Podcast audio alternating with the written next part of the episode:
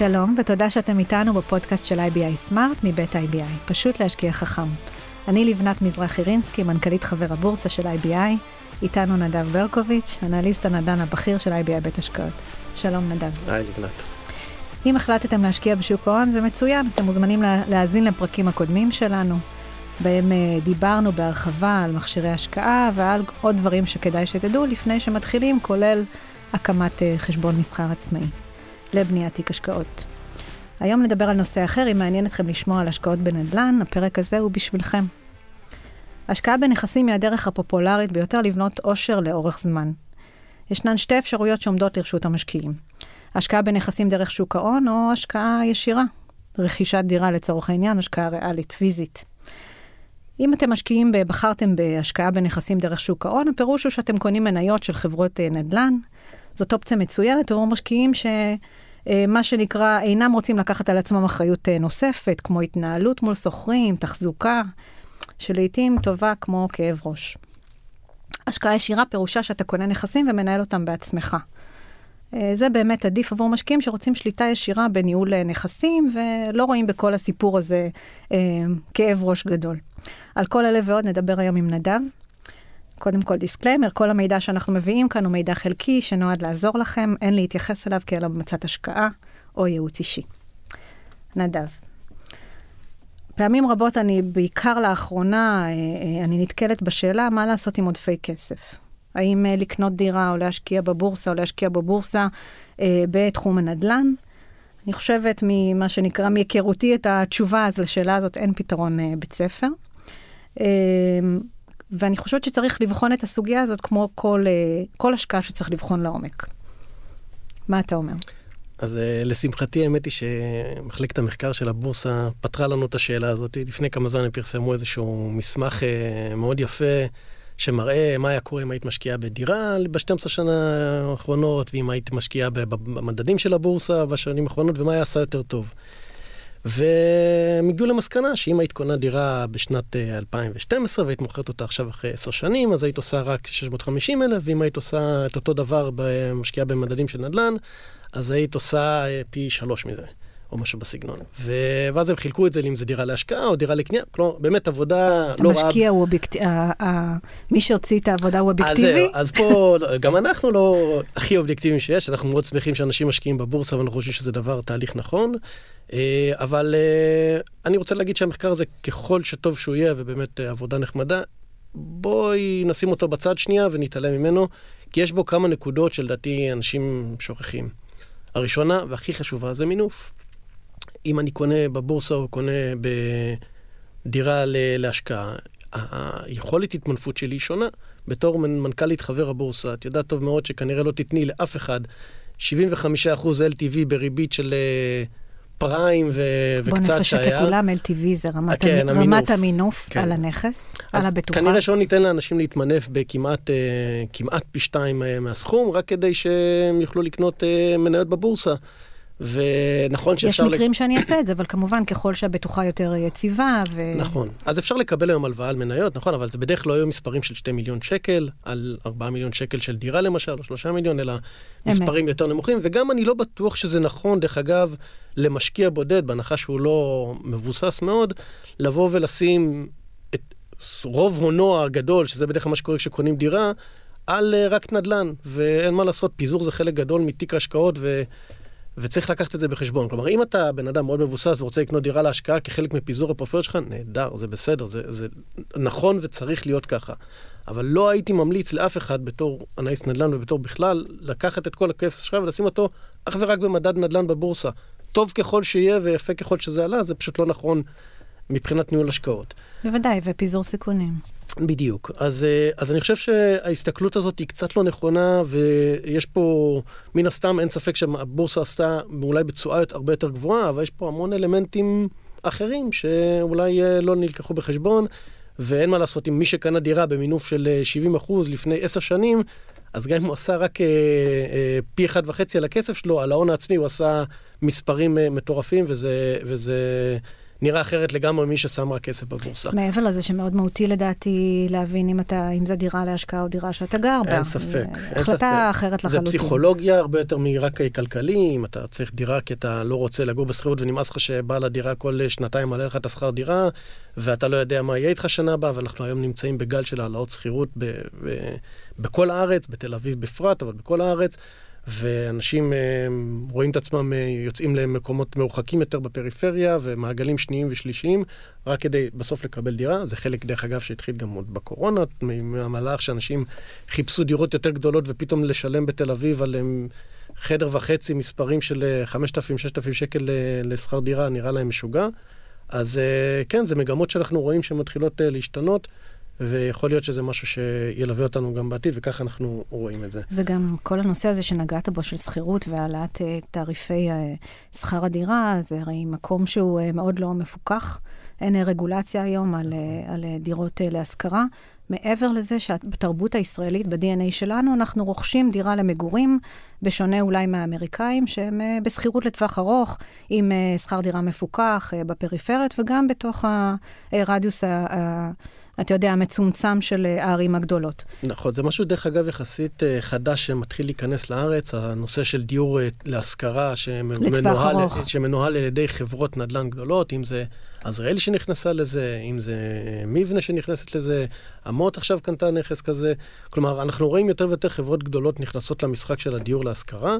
זה משהו שמאוד יכול לעזור לשוק, כי בעצם יש איזושהי ודאות לכמה שכר דירה יעלה כל שנה, זה חלק מחוק עידוד השקעות, וזה משהו שהמדינה מאוד מעודדת אותו, אבל כרגע זה לא מספרים שכרגע מזיזים את המחט בישראל, ורוב המוחלט של הדירות להשכרה זה אנשים פרטיים שמחזיק אה, דירה. שעושה גם שאמרת, מה שבא לו בהתאם ל... לגמרי, נכון. וכמו שאמרת, צריך בסוף להסתכל האם מדובר על דירה להשקעה לך, ואז זה גם שאלה פסיכולוגית לגמרי, אם אתה רוצה שיהיה לך איזשהו נכס ש... מה שנקרא, כל אימא תדע שבוורס קייס סנריו, לא, הבן שלה לא יישן ברחוב אה, ויש לו דירה. כן. לעומת אה, דירה להשקעה, שזה פורטפוליו של סוג השקעה אחר לגמרי, שהוא הרבה יותר מקביל מבחינתי לעולם ההשקעות שלנו, שבו אתה מסתכל על זה כעסקת תשואה, שהיא עסקת תשואה מאוד נמוכה, אבל כעסקת רווח הון עתידי, שאתה מאמין שמחירי הדירות יעלו בתקופה שאתה החזקת את הדירה. אגב, אם בעבר זוגות צעירים יכלו לרכוש דירה וגם להביא איזשהו אה, מרכיב הון עצמי מחסכונות שלהם או של הוריהם, אה, אה, אני חושבת שזוג מבוגר היום, חוש, בוגר, חושב היום איך הוא מעביר דירה לילדיו. הילדים שלנו, לפי דעתי, כבר לא יהיו שם, או משום שבאמת אה, התרבות תשתנה בנושא דיור.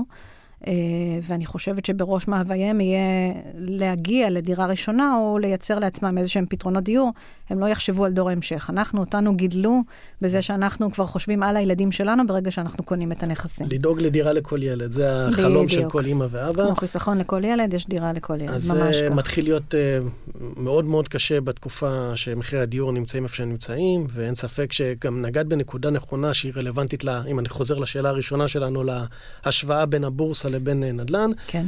Uh, חלק גדול מעזרה בקניית דירה ראשונה, בטח למגורים, אז זה גירוד כסף ממשפחה וחברים.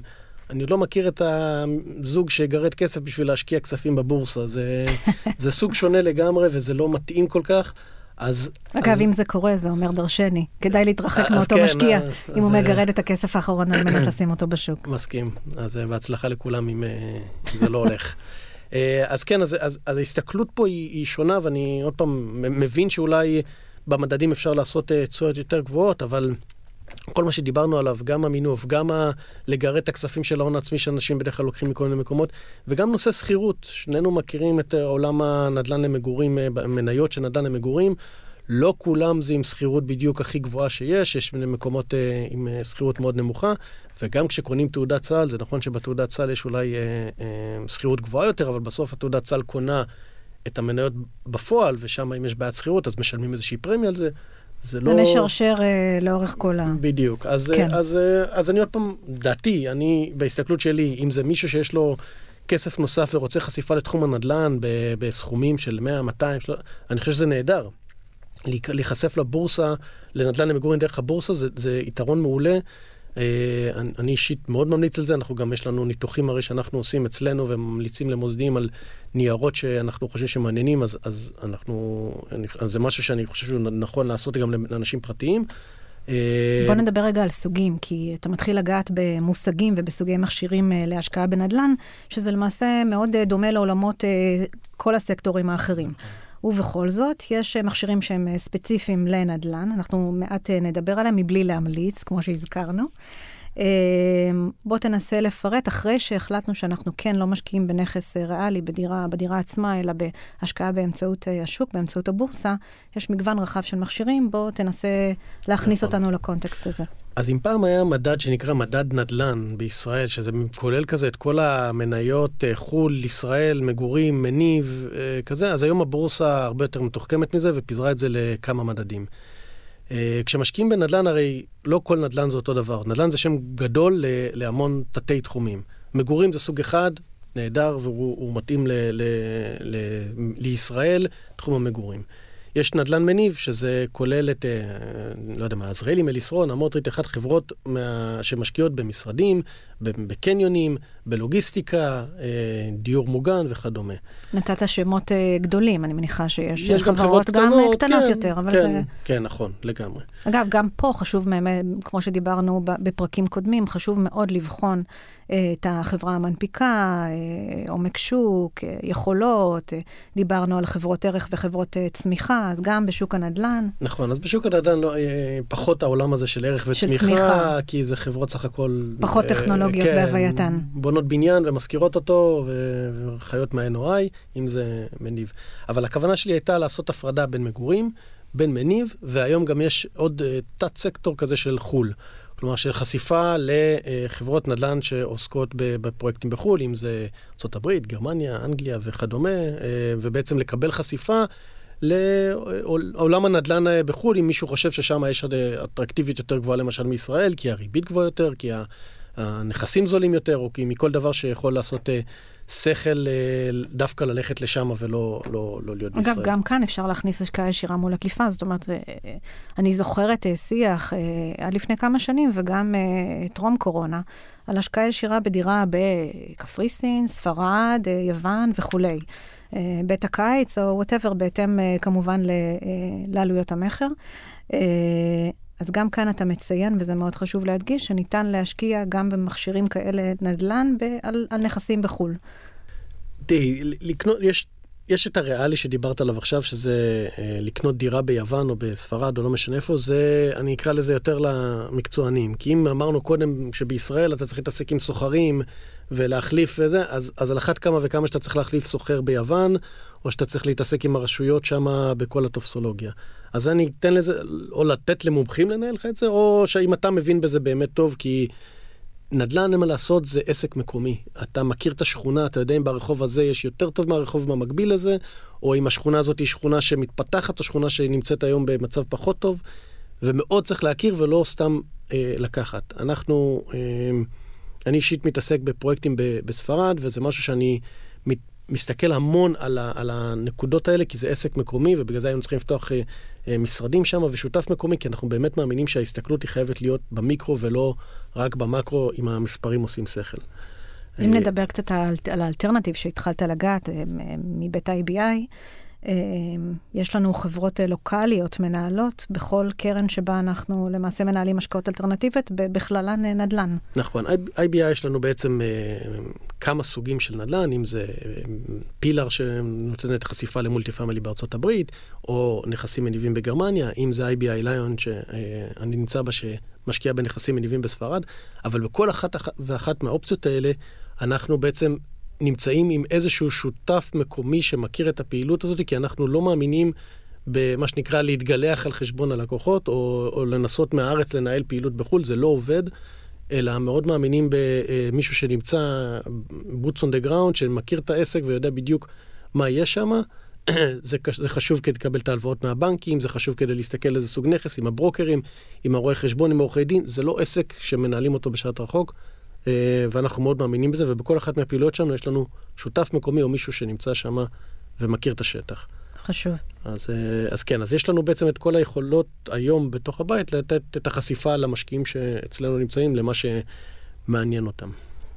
אוקיי, ואם זה לא באמצעות השקעות אלטרנטיביות, איזה מכשירים יש בבורסה? אז בבורסה, כמו שהתחלתי להגיד, יש לנו את החברות שבעצם יש להן חשיפה לחו"ל או לישראל, מניב או למגורים, ובעצם כן. אפשר לקנות תעודת סל. התעודת סל הזאת נותנת חשיפה מאוד יפה אה, ופיזור מאוד יפה של אה, חברות, אה, חברות נדל"ן, או למגורים או למניב. ובעצם פה צריך להסתכל על שני דברים. בנדל"ן, מניב, בעצם ההסתכלות היא על עולם המסחר, קניונים, לוגיסטיקה, האם מאמינים שהחברות האלה הן חברות שנמצאות היום במצב של תשואות טובות, ויודעות לייצר בעצם תזרים מאוד מעניין למשקיעים שלהם, וזה חברות שגם מחלקות דיבידנדים, זה סוג אחר. ואם זה במגורים, בדרך כלל מה שהמשקיעים מסתכלים זה על האם אה, קצב מכירת הדירות ועליית המחירים שאנחנו רואים בשוק, משתרשר בסוף לחברות הנדל"ן למגורים האלה, ואז המניה בעצם עולה יחד עם ה... הציפיות האלו. ו... ככל שאני משקיעה במכשיר שהוא מאגד כמה חברות כאלה, כמו קרן סל או תעודת סל, נכון. או קרן נאמנות שיש לה חשיפה לנדל"ן, למעשה הבעיה במרכאות היא לא, של ה... לא שלי כמשקיעה, אלא של uh, החברה המנהלת. ואז אני צריכה לסמוך עליה שהיא יודעת uh, לעשות אלוקציות טובות, הבחירות שלה נכונות, ושהיא עוקבת אחרי ומתחזקת את התיק שלה. נכון, אז יש, כמו שאמרתי, יש אופציה לקנות קרנות כאלה, קרנות נדל"ן, קרן נאמנות, שבעצם שם זה באמת, כמו שאומרת, אני סומך על המנהל השקעות שעושה את האלוקציה הנכונה. נכונה ובוחר, ואו שזו תעודה מחכה, שפשוט מחקה את המדד אחד לאחד ואין לנו שום אה, נגיעה לזה, ואז צריך לבדוק אה, מה החשיפה של כל אה, תעודת צה"ל לכל נייר. אבל סך הכל, בשתי האופציות מקבלים חשיפה עם פיזור יפה מאוד לנדל"ן, ואני מאוד חושב שמי שמאמין בתחום הזה ואין ידו עכשיו לקנות אה, בניין דירות ב- ב- בישראל ובמספרים מאוד גבוהים, זה דרך נכונה מאוד להיחשף לעולם הזה. כמו שקונים סקטור בנקאות לפעמים שחושבים, או סקטור קמעונאות שחושבים, או כל משנה, לא, אז גם סקטור נדל"ן, דרך הבורסה אפשר להיחשף, והיום התתי סקטור הם מספיק טובים בשביל לגעת בנקודה מסוימת ולא להיות חשוף רק לנדל"ן באופן כללי כשם קוד. אוקיי. Okay. מה לגבי, אה, דיברנו, דיברת קודם על אה, מניה של חברה ספציפית, מה לגבי אגרות חוב? יתרון, חיסרון באופן יחסי להחזקת מניה? יש פערים הרי בין מניה לאג"ח, זה שני עולמות שונים, לא רק בנדל"ן. הרי כשאנחנו מסתכלים על אג"ח, אנחנו מסתכלים על הסתכלות שונה לגמרי. האם החברה יודעת להחזיר לי את הכסף שנתתי לה בתוספת ריבית? זו הסתכלות הכי סולידית ושמרנית שיש. עד היום, בגלל הריביות אפס שהיו בעולם, האגרות חוב היו מתומחרות במספרים מאוד מאוד נמוכים, וראינו אנשים אה, מחפשים את הסיכונים במקומות אחרים, ועברו בעיקר למניות. כן. היום לאט לאט עם פתיחת המרווחים, מי שלא מכיר, זה הפער בין הממשלתי, התשואה הממשלתית לתשואה של האיגרת חוב, ובעצם מה שאתה מקבל אם אתה משקיע באיגרת חוב, איזה תשואה אתה מקבל, אז בגלל שהתשואות עלו, היום יש... מעל ריבית חסרת סיכון, נכון, כדי להסביר. נכון, אז בעצם התשואות היום באיגרות החוב הפכו להיות קצת יותר מעניינות. כשאני מדבר קצת, שלא יחשבו פה שאנחנו, זה, זה, זה מספרים גבוהים, זה בסך הכל 2, 3, 4 אחוזים, אלה המספרים היום שיש באגרות חוב. אל תשכח אה, שהיינו בעולמות הרבה יותר נמוכים עד לפני... אה, מסכים, מסכים לגמרי. לא מזמן. פתאום הפך להיות אטרקטיבי, 2, 3 אחוזים. מאוד אטרקטיבי, כן, אה, באופן יחסי. אז אני חושב ש... שמי שזה מתאים לו כתחליף אולי לשמור את הכסף בבנק בהנחה שהוא מרגיש בנוח עם החברה, שיש לה מזומנים, שהיא חברה טובה ואפשר לשים שם, אז אה, זה יכול להיות תחליף נהדר, אם 2, 3, 4 אחוזים מספיק לו. ו, ומי שעדיין מחפש סיכון, אז אה, במניות אפשר לעשות היום, אחרי, ה, כמו שהאגרות חוב עלו, אז גם המניות נפלו. ויש היום כמה הזדמנויות, אה, לדעתנו, בשוק ההון שיכולות לתת על תשואה משמעותית יותר גבוהה למי שיש אורך נשימה לתקופה המאתגרת הזאת, כי אנחנו נמצאים בתקופה מאתגרת שבה יש עליית ריבית. עליית ריבית היא מן הסתם משהו שלילי לעולם הנדל"ן, כי בעצם כשריבית עולה, גם עלויות המימון של החברות עולות, גם שווי הנכסים בדרך כלל יורד, ואם אנחנו גם ניכנס ל, לפי החששות לאיזשהו האטה או לאיזשהו מיתון, אז uh, צריך לקחת את זה בחשבון בתמחור שווי המניות האלו. כן, גם מבחינת אה, יכולת ההחזר של החברה יש הבדל גדול בין מניה לבין אה, איגרת חוב, יש uh, את כל הנושא של דיבידנד אל מול הקופונים, יש יתרונות וחסרונות לכל אחד מהמכשירים האלה, בהתאם לרמת החשיפה שאתה רוצה לקבל. ורמת הסיכון, בדיוק. בדיוק, לחברה. איפה נכנס כאן כל העניין שהוא מאוד ככה... טרנד מאוד אטרקטיבי היום ב- בישראל, של תמ"א, התחדשות עירונית, האם יש אפשרות לגעת גם ב... גם בהיבט הזה, דרך שוק ההון ולא באופן ישיר בפרויקטים? יש כמה חברות שכבר, האמת היא כמעט כל חברות נדל"ן המגורים היום, ואפילו חלק מחברות הנדל"ן המניב, יש להם איזשהו זרוע או איזושהי נגיעה להתחדשות עירונית. אין היום כזה דבר שחברה כמעט תהיה עם אפס נגיעה לזה. כמו שאמרת, התחום הזה הוא תחום מאוד צומח, הוא מאוד רווחי לחברות, כי לא צריך לקנות את הקרקע, אלא בעצם עושים איזשהו הסכם עם הדיירים, נותנים להם פיצוי על זה שהם כן. נתנו את הקרקע, אבל הרווחיות שם... משום שהקרקע היא החלק הארי ברכישת עסקה. החלק הארי, והוא נורא יקר היום אחרי עליית המחירים, וגם אה, המיקום, שבדרך כלל עושים את התמ"אות 38, זה מיקומים מרכזיים, שאי אפשר להשיג שם קרקעות, כן. אם במרכז תל אביב או מקומות כאלו. אז יש לזה יתרון אדיר לחברות, זה חלק מהפיזור, כמו שאתה קונה, יש לך קרקע ויש לזה גם התחדשות עירונית, זה שתי סגמנטים שונים בתוך הנדל"ן למגורים, וכמעט כל החברות נמצאות בזה. אנחנו רואים לאחרונה גם את חברות הנדל"ן המניב מתחילות לבזול לכיוון העולם הנדל"ן למגורים, כדי לעשות להם איזשהו פיזור שלהם גם בתחום המגורים. כן. אה, ואני מאמין שזה משהו שאנחנו נמשיך לראות אותו.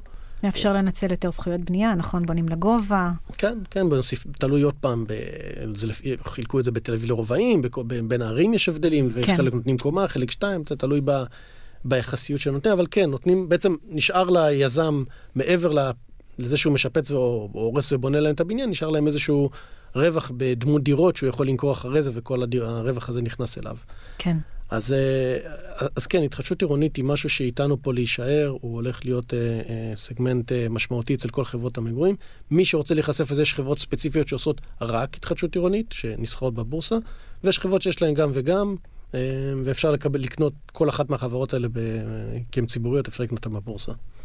למעשה, אם אה, אני מציירת את זה כפי שדיברנו, אה, אז אפשר, אה, אפשר לרכוש באופן ישיר כמעט כל, אה, כל מה שנקרא נכס נדל"ני, בהתאם לכל אחד לצורך שלו ולתזרים שיש לו באופן פנוי.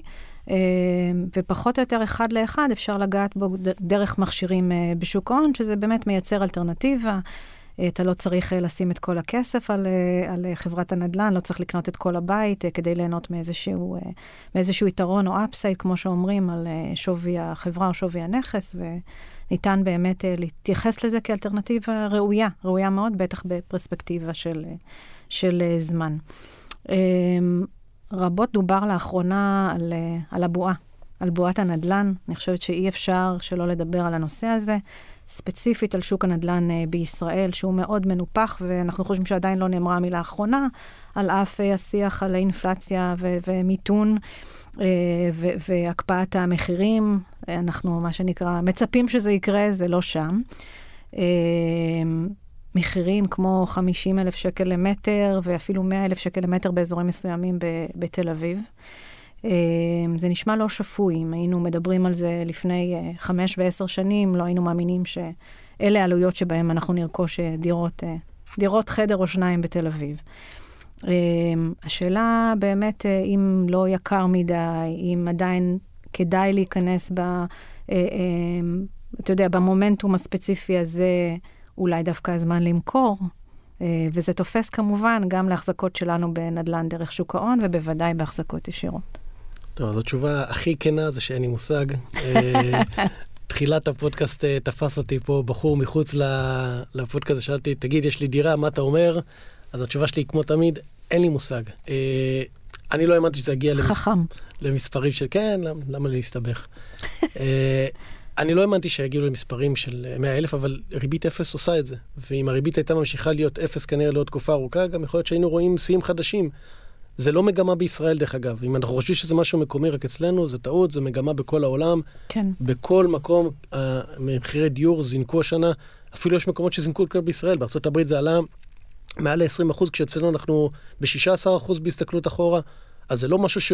אנחנו יכולים להגיד כשל שוק אצלנו. זה מגמה... אגב, גם במהלך הקורונה, כשחשבנו שיהיה איזשהו קיפאון, שנתיים אנשים המשיכו לרכוש נדל"ן, זה הזמן להזכיר, הזכרת את כל הנושא של המינוף, ה-LTV, כמו שהבנקים אומרים, משכנתאות במינופים כמעט מלאים, נכון. בהתאם למה שמותר uh, ברגולציה. Uh, מה, מה יהיה על המשכנתאות האלה, על ההחזרים, ה, אתה יודע, גם במחירים המנופחים ובוודאי בסביבת ריבית משתנה עם מדד תשומות הבנייה שהולך ועולה? אז קודם כל, בנוגע לקורונה, את צודקת במאה אחוז. אני זוכר בקורונה, חיככתי ידיים בהנאה ואמרתי, אוקיי, הנה, הנה זמני הגיע, עכשיו אני הולך אה, להשתדרג בדירה חדשה, אני אשכור בדירה יותר טובה. ומה שקרה זה שזה הכל ברח לי הרבה יותר גרוע ממה שחשבתי, המחירים עלו הרבה יותר, והקורונה הזניקה את המחירים פה כי אנשים רצו דירה יותר גדולה, כי הם רצו מרפסת, כי הם רצו להתפנק על מה שהם עוברים, הכ- הכל, הכל, כל הסיבות נכונות, אבל זה מה שקרה, והדירות בעצם אה, זינקו ב-16% בשנה האחרונה. אגב, אם אתה מוכר וקונה באותו תזמון, אז מצבך פחות רע, מה שנקרא. אם זו דירה יודע. למגורים, שאת מוכרת כן. דירה וזה, זה נכון. שפרי דיור. אז רק ה- הדלתא. נכון, הדלתא, בדיוק. Uh, בנוגע למשכנתאות, uh, האמת היא שאני חושב שהפודקאסט הראשון שהקלטת הייתה, היה עם uh, רפי, זה הכלכלן מקרו שלנו, זה המומחיות שלו, להגיד לך לאן הריביות ילכו ומה יהיו, יהיה, אבל אין ספק שכרגע כל הציפיות זה לעליית ריבית ולעליית ה... בשנתיים. הקרובות אנחנו לא נוכל להתחמק מזה, כמו שאמרת, זה גם מגמה בינלאומית. אז, אז, אז כן, כל מי שלקח משכנתה אה, עם רכיב משתנה, הרכיב הזה יעלה לו. כל מי שלא לקח משכנתה והולך לקחת משכנתה בהצלחה, זה יהיה יותר יקר כנראה מה שהיה. זה עדיין לא מספרים שהיו אולי אה, לפני אה, 15 שנה ו-20 שנה, אבל אה, זה, זה עדיין יהיה גבוה. אה, גם, אבל אותו דבר, גם דרך אגב, זה קורה בכל העולם. בארצות הברית היום הריבית למשכנתאות של אה, 30 שנה כבר מתקרבת ל-6 אחוזים. זה אה, מרחיק אנשים מהשוק, כי כולם מבינים שבשישה אחוזים משכנתה הם צריכים לקחת אה, חשיבה טובה מאוד, הם יכולים לעמוד בתזרים הזה. אז כן, יש פה... זו, דרך אגב, זו המטרה של בנק ישראל. כשמעלים ריבית, המטרה זה לקרר את השוק, וככה מקררים את השוק. מעלים ריבית, דוחפים אותם טיפה אחורה, אנשים צריכים להבין טוב מאוד האם הם יכולים לעמוד בתזרים הזה, וזה הדרך לקרר את השוק. האמת היא שכשאתה, זה כמו נישואים, אתה יודע איך אתה נכנס לזה, אתה לא יודע איך אתה יוצא מזה. לגמרי. אנחנו מכירים את מדד תשומות הבנייה, כמה הוא עלה בשנה האחרונה, בדיוק. ואתה קונה דירה, ואז אתה מגלה שיש לך עוד איזה חמישה אחוזים להוסיף, עוד ארבעה כן. אחוזים, עוד מס. במקרה הטוב, במקרה כן, הטוב. כן. ואני מדברת מפוזיציה. כן, כן, כול- כן, זה- כולנו פה באיזשהו סוג של פוזיציה. כואב, כואב מאוד בכיס. אה, אה, בטח כשמדובר בעסקאות שאתה עושה על אה, דירה מקבלן, ואז יש אה, כך וכך שנים על, עד שאתה מקבל את הנכס, אבל איך אני אומרת? סביר להניח שאם אנחנו במקום כזה של אה, שוק עולה ספציפית, ימשיך לעלות בנדלן, מהמקום הנוכחי שאנחנו נמצאים בו, אז אה, נמכור אם לא נעמוד בתזרים. אה, וסביר להניח שנצליח את ההש... להחזיר את ההשקעה פלוס פלוס, אז מצבנו בסדר, אז ב-Worst case scenario אנחנו נדע גם אה, להיפרד מהנכס ועדיין לצאת ב- בעודפים, אתה יודע, בהתאם למה שקורה ב... אולי בשני העשורים האחרונים בתחום הזה. כן, נדל"ן בישראל, האמת היא שבעוד הרבה מקומות, יש פונדמנטל מאוד אה, אה, נכונים לתמיכת הנדל"ן. כלומר, אם זה מיעוט הקרקעות, אם זה הכמות התחלות בנייה, למרות שעכשיו יש סוף סוף אה, שיפור בהתחלות בנייה והגענו כבר לקצב של 80 אלף, אבל שנים שלא היינו בקצב הזה. הכמות ילודה בישראל, הגירושים, יש המון, המון סיבות שדוחפות בעצם את, ה, את השוק הדיור באמת מ fundamentals אמיתיים. אני מתעלם שנייה לרגע מהתמחור, אלא מזה ששוק הדיור באמת יש ביקוש אמיתי לדירות וזה לא איזשהו נייר ערך ש, עם, עם ביקוש אה, כזה או אחר. בסופו של דבר האוכלוסייה הולכת וגדלה, ותוחלת החיים הולכת וגדלה, אז אנחנו צריכים פתרונות דיור נכון. נכון. גם, אתה יודע, לזוגות מבוגרים וכולי.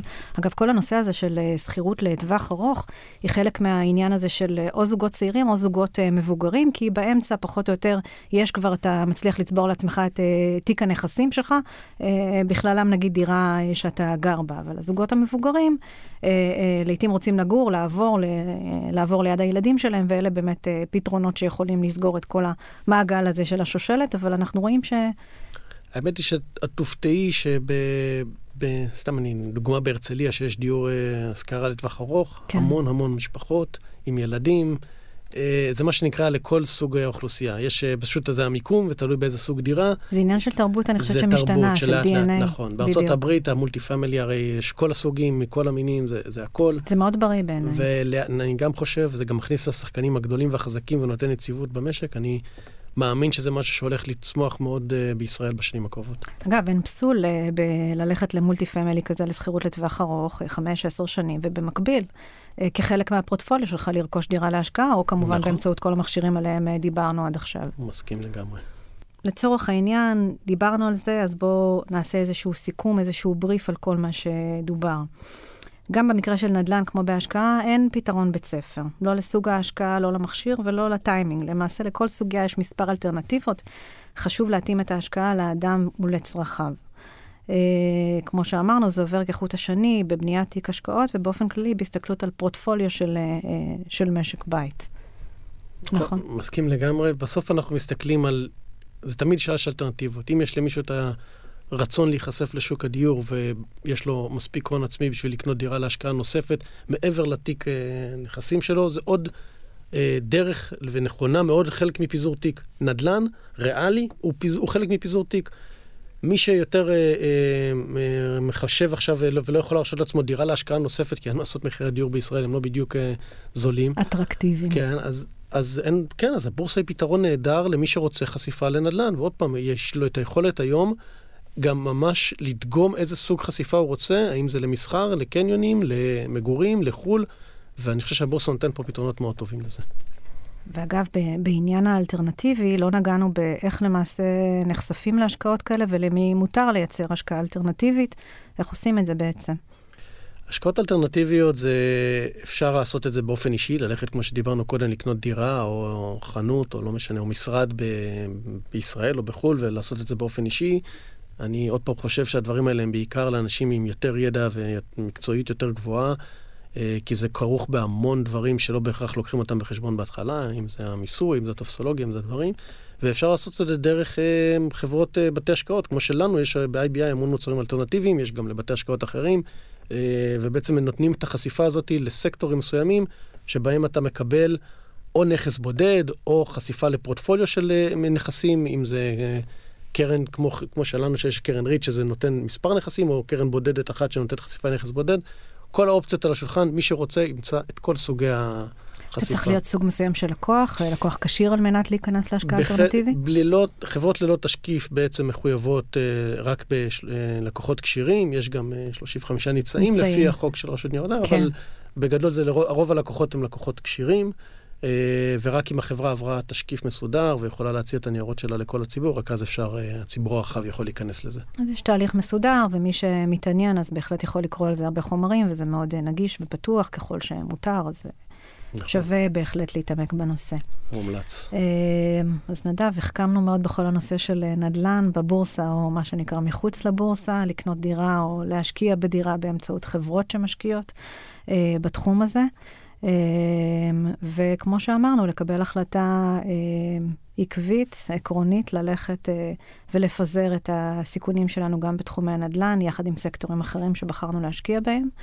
אה, וחשוב מאוד שגם נדל"ן יהיה חלק מהפורטפוליו. חשוב מאוד, ולדעתי זה ברוב, ה... ברוב המקרים זה המצב, אבל חשוב לגוון, אין ספק. אז תודה רבה. תודה לך.